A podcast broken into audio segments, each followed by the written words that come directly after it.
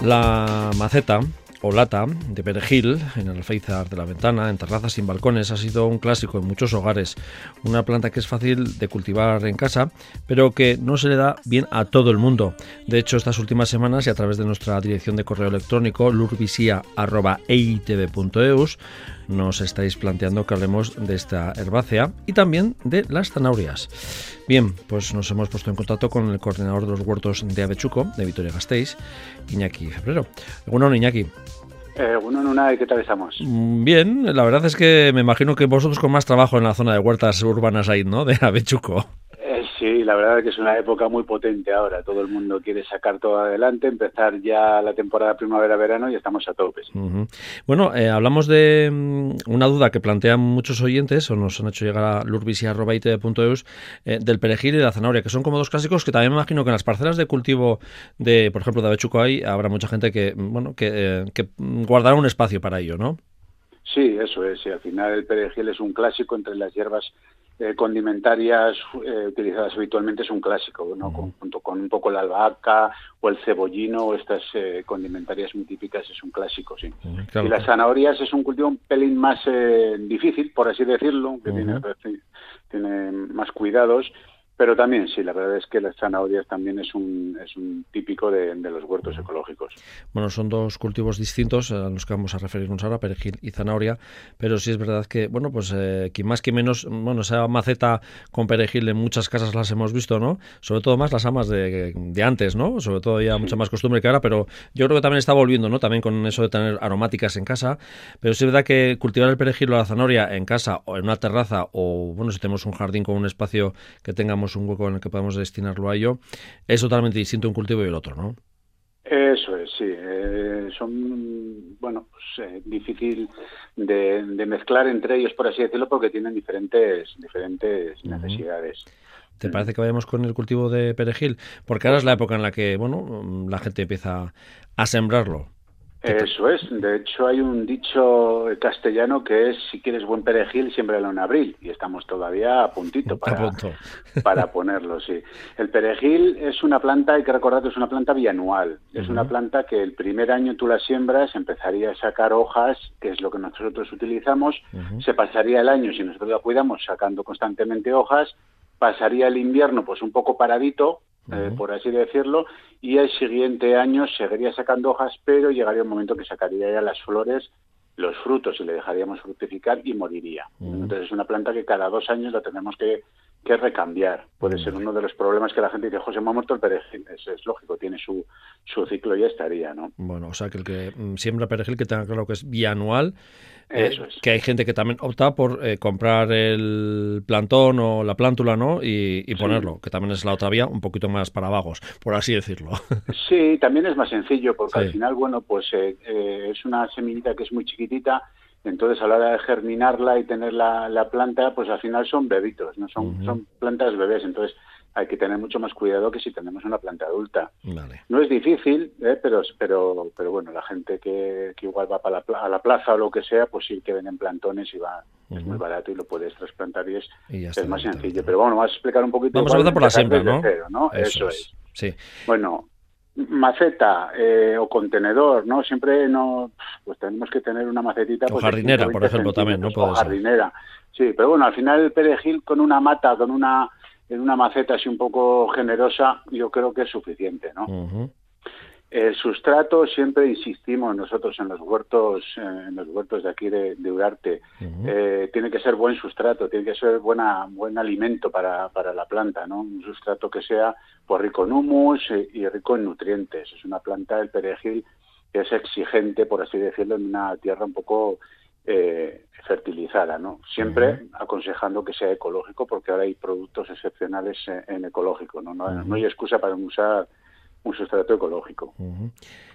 Para sembrar, eh, truco que suele hacer la gente, pone la semilla 24 horas en remojo.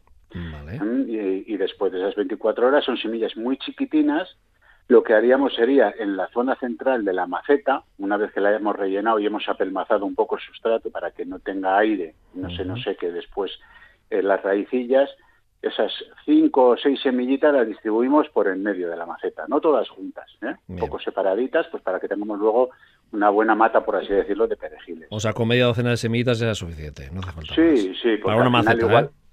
Para una maceta, eso es. Igual alguna te falla, pero con que te salgan cuatro o cinco y si las cuidamos, ya está. Eh, pues eh, irán medrando. Importantísimo, cada vez que sembramos, a la hora de tapar la semilla, no podemos taparla ni mucho ni poco. Un truco, más o menos, es que tenemos que echarle encima de la semilla dos veces la longitud de esa semilla en tierra. Si la semilla mide 3 milímetros de longitud, como mucho haríamos 6 milímetros de cobertura de tierra semilla de perejil es muy chiquitita, con 3, 4 milímetros, o sea, con taparla un poquito con sustrato, con sustrato muy fino, incluso tamizado, porque son semillas que les va a costar germinar, les va a costar atravesar, por así decirlo, ese, ese poquito de tierra, y si se encuentra un grumo, una piedrita, un, un trozo de corteza, pues, pues no, va, no va a tener fuerza para salir. Le echaríamos ese sustrato, apelmazamos con la palma de la mano, y otra cosa muy importante, vamos a regar con un pulverizador, un, el típico flinch flis de toda la vida. Porque si le echamos con una regadera, le echamos con un vaso, le echamos con algo muy potente, como la semilla está muy poquito tapada y es tan pequeñita, puede ser que con el chorro que le echemos de la regadera o, de, o del vaso de agua, la mueva de sitio incluso salga de, la jardinera. ¿Al principio necesitan que pulvericemos igual a diario? Pues probablemente sí. Nosotros lo que vamos a tenerlo es, le podemos buscar el sitio definitivo. El perejil es una planta que necesita claridad, pero no sol directo. Esto casi todas las condimentarias, pues yo que sé, el cebollino, albahaca, este tipo de cosas les hace falta claridad, pero eso el directo las acaba poniendo como más duras, como más correosas, por así decirlo. No tienen que estar más tiernicas. Entonces la ubicaremos ahí y si vemos que todos los días hay que echar el agua, le echaremos. Imprescindible y fundamental, jamás se nos puede secar el sustrato cuando está germinando una semilla. Porque al final se está hinchando para que salga el embrión y si en un momento dado pasa un día de secano, ese embrión es tan, tan, tan delicado que se muere y ya cuando una cosa está muerta, ya está muerta. por mucho que le regamos no hay solución. no hay solución. Eso, se puede volver a resembrar un poco tardíamente, pero bueno, sin más, ¿no? Pero ya estamos resembrando, o sea, ya se nos ha muerto lo anterior. es importante, en la siembra es súper importante, sí, habría que insistir en la profundidad de siembra por un lado y por el otro lado el tema de, no le puede faltar humedad. Bien. Eh, mm, hemos dicho que claridad, pero no sol directo, lo tanto, si la orientación de nuestra casa es sur, a no ser que tengas una zona que sea un poco más sombría, porque a veces las balcones o las alféizares tapan un poquito más, lo mejor es este-oeste, y que, pero que tampoco le dé el sol directo, ¿no? Es, bueno, si le da unas cuantas horas al día tampoco ah, pasa nada, pero yo que sé, si tenemos una terraza que está tostándole el sol, pues bueno, pues eh, seguramente en esa terraza igual tenemos, yo que sé, imagínate, unos geranios, hemos puesto unos tomates o cualquier cosa, pues bueno, mm, puede estar bien a, su sombra, ¿no? No, hace falta que se achichare. ¿Y a partir de qué momento podemos coger ya, coger ya esas ramas, primeros brotes? Digo, porque a veces igual la gente se abalanza y, mm, empieza a cogerlos antes de lo debido, ¿no? Hombre, pues ahora si sembraríamos ahora, en, en 10, 12 días ya empiezan a salir las plántulas, las dejamos crecer un mes o mes y medio y cuando alcancen pues 10 centímetros más o menos las plantitas van a estar muy tiernas. La primera cosecha, por así decirlo, sí que aconsejan cortarla casi a ras del suelo. Es conveniente dejarle alguna hojita porque al final las hojitas son las que funcionan, son los motores de las plantas, ¿no? Pues si le quitamos todas las hojas, igual acabamos matándola. Pero la primera cosecha cortaríamos casi a ras del suelo en mes y medio, más o menos. Y luego ya aconsejo ir cogiendo los tallos más mayores, ¿no? Los más viejos al final, sin dejarle que se queden duros, correosos, pero vamos cosechando las, las, ramas más grandes y dejándolas fresquitas para que vayan tirando hacia arriba. Que vemos que no usamos, es fácil, es una planta que se congela muy fácil, o sea, es cortar, meter a congelar y se puede usar, porque es una planta que tenemos que ir cosechando paulatinamente. Si nosotros cosechamos, provocamos que salga más perejil.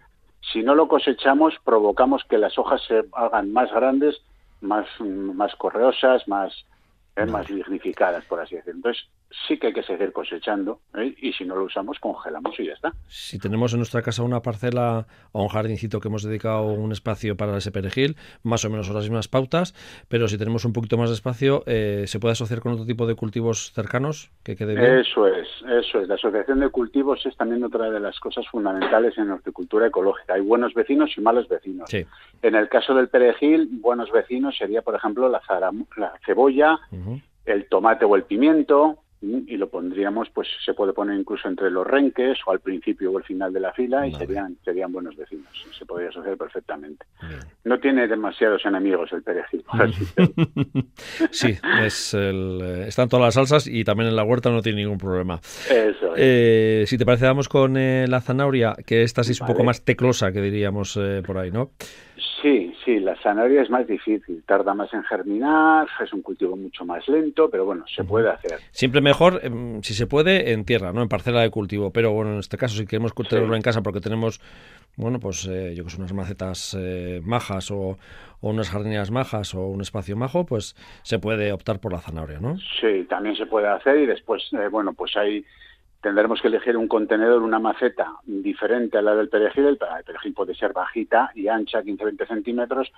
Una maceta para una zanahoria, pues tenemos que imaginarnos que la zanahoria crece hacia abajo, entonces mm. la profundidad de la maceta tiene que ser en consonancia con ello, ¿no? Una maceta altita, bueno, la anchura igual no le haría tanta falta, ¿no? Pero altita tiene que ser. El sustrato sí es fundamental en el perejil, en la, en la zanahoria es muchísimo más. El sustrato tiene que ser muy, muy suelto, ni una piedra, ni una corteza, porque al final cualquier tope que haga la raíz, según va creciendo hacia abajo, la raíz lo que va a hacer es evitar ese estorbo, por así decirlo.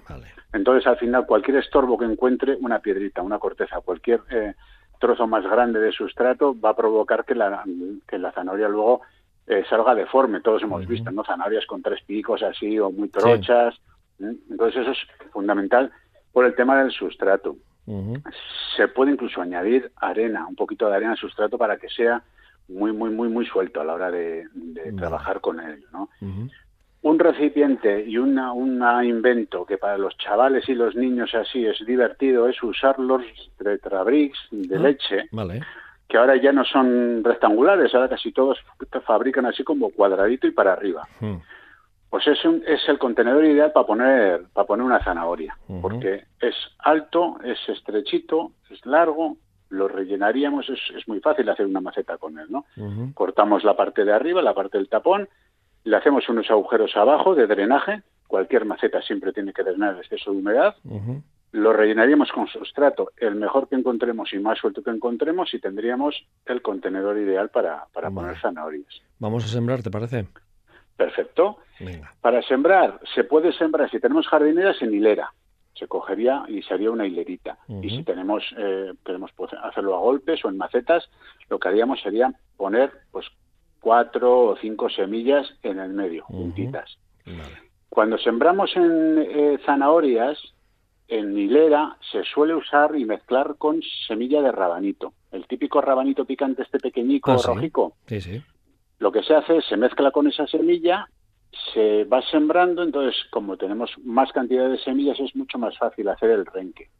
Y los rabanitos germinan súper rápido, entonces lo que había, esos rabanitos, según le echamos un poco de agua, en unos días han germinado, nos van a marcar perfectamente la hilera de zanahorias y cuando ya estén gorditos sacaremos los rabanitos y dejaremos el hueco para las zanahorias. Es una manera de aprovechar el mismo espacio y que nos marque muy bien el, donde hemos echado la, la zanahoria. Vale, perfecto. Súper importante taparlo con muy poquito sustrato y aquí sí que insistiría en que incluso hay que tamizarlo o, con, una redecita o con lo que sea o, machacarlo mucho con las manos para que esté súper fino vale. y ponerle muy poquitos milímetros encima y regar siempre con pulverizador. Tarda bastante más en germinar que los rabanitos o que el perejil. Entonces, paciencia, no dejar nunca que se seque Pulverizar. Y irá germinando. Eso es. Mm, sí. Bien, eh, cuando va poco a poco en proceso la planta, eh, cuando ya aparece germinando, hay, hay que entresacar. Bueno, eso es, eso es. Nosotros hemos puesto cuatro o cinco semillitas, pues porque como es una planta que tiene mala germinación, pues para asegurarnos no hacer trabajo en balde. Cuando empiezan a salir el, el, tallito, ya tiene pues un par de centímetros el tallito, pues dejaremos dos por maceta. Si lo hemos hecho en hilera, pues iremos aclarando en la hilera para dejarle, ir dejándole huequito. Sería el primer aclareo, por así decirlo. Vamos a asegurarnos tener una zanahoria. Y en 15 días, si por ejemplo hemos hecho en, la, en los tetrabricks de leche, en 15 días, 20 días, cuando ya veamos que las dos que hemos dejado van tirando, elegimos la buena y la otra la quitamos. Si vemos que están muy grandes, en vez de tirar, lo típico aclareo que hacemos estirando de la planta y tirando, si vemos que están muy grandes, para no dañar la que dejamos, bastaría con cortarla, con la uña o con una tijera, cortar la que no queremos. Y así nos evitamos dañar a la que vamos a dejar. ¿Mm? ¿Qué ubicación? Ubicación esta sí que le gusta el sol. Vale. Esta sí que es esta mediterránea a tope y esta le, gusta el sol. Le gusta el sol y es muy importante, este cultivo le, le gusta el sol y por lo tanto tiene mucha evapotranspiración y el sustrato se seca mucho más rápido que en el perejil, pero nunca debemos dejar que se seque el sustrato, es una raíz. Si dejamos que se seque el sustrato, eh, las va a pasar mal y van a salir pues o, trocha o se nos va a acabar muriendo. Hay, por ejemplo, en otros cultivos de huerta, tomate, pimiento, hay en algunos cultivos que incluso aconsejamos que pasen un poquito de sed, porque así la raíz, tú provocas que las raíces exploren más el terreno, que lo airean, se hace más profundo, cogen el agua de capas más profundas. Solemos decir, bueno, pues por ejemplo el tomate, ¿no? El tomate, déjale que pase un poquito de sed y la misma planta te, te indica, ¿no? Oye, tengo sed, se queda un poquito más lacia, lo que sea, tampoco hace falta que se muera. Pero hacerle pasar un poquito de sed para que se haga fuerte, ¿no? En la zanahoria mejor que no pase sed porque en la misma se nos pone rebelde y, se, nos, se nos muere. Bien, este cultivo, la zanahoria, ¿con qué se asocia bien? Digo, si tenemos la parcela de este cultivo de huerto urbano o, tenemos un jardincito en casa que dejamos ahí para hacer una huerta pequeña. Este, por ejemplo, con la cebolla se asocia bien con las vainas, lo en el lado soleado, ¿no? Aquí las vainas de andrame, pues lo tendrías que poner en el lado soleado. Es un cultivo que se utiliza mucho entre arranques de lechugas. Nosotros las lechugas al final en 50, 60 días las vamos a cosechar y la zanahoria va a estirarse unos cuantos meses, ¿no? Entonces sembraríamos zanahoria, pondríamos lechuga y en la misma parcelita pues vamos cogiendo las lechugas y cuando ya las zanahorias necesitan más espacio, pues ya hemos quitado las lechugas y se quedaría ese ese espacio más libre para que medresen las las zanahorias. Bueno, pues hasta aquí esta clase en particular de cómo cultivamos el perejil y la zanahoria. La verdad es que para los, para los que no sean tan expertos, recomendable mejor el perejil. Gran cosecha de zanahorias no vamos a recoger en un tetabric, pero esta, esta fórmula aplicada a una parcelita de huerta, pues podemos tener una buena cosecha de zanahorias también. Pero bueno, la verdad es que bueno, los oyentes nos pedían eh, bueno, aclarar esas dudas ¿no? sobre estos dos, eh, estas dos eh, perejil y zanahoria, dos bueno, plantas hortícolas habituales de la huerta. Y aquí ha estado Iñaki Febrero dándonos un poco esas esas pautas eh, como coordinador de esos huertos de Urarte en el barrio Castellistarra de, de Avechuco. Es que recasco, Iñaki. Es que recasco, Suri. Hasta el siguiente, Agur. Vale, Agur.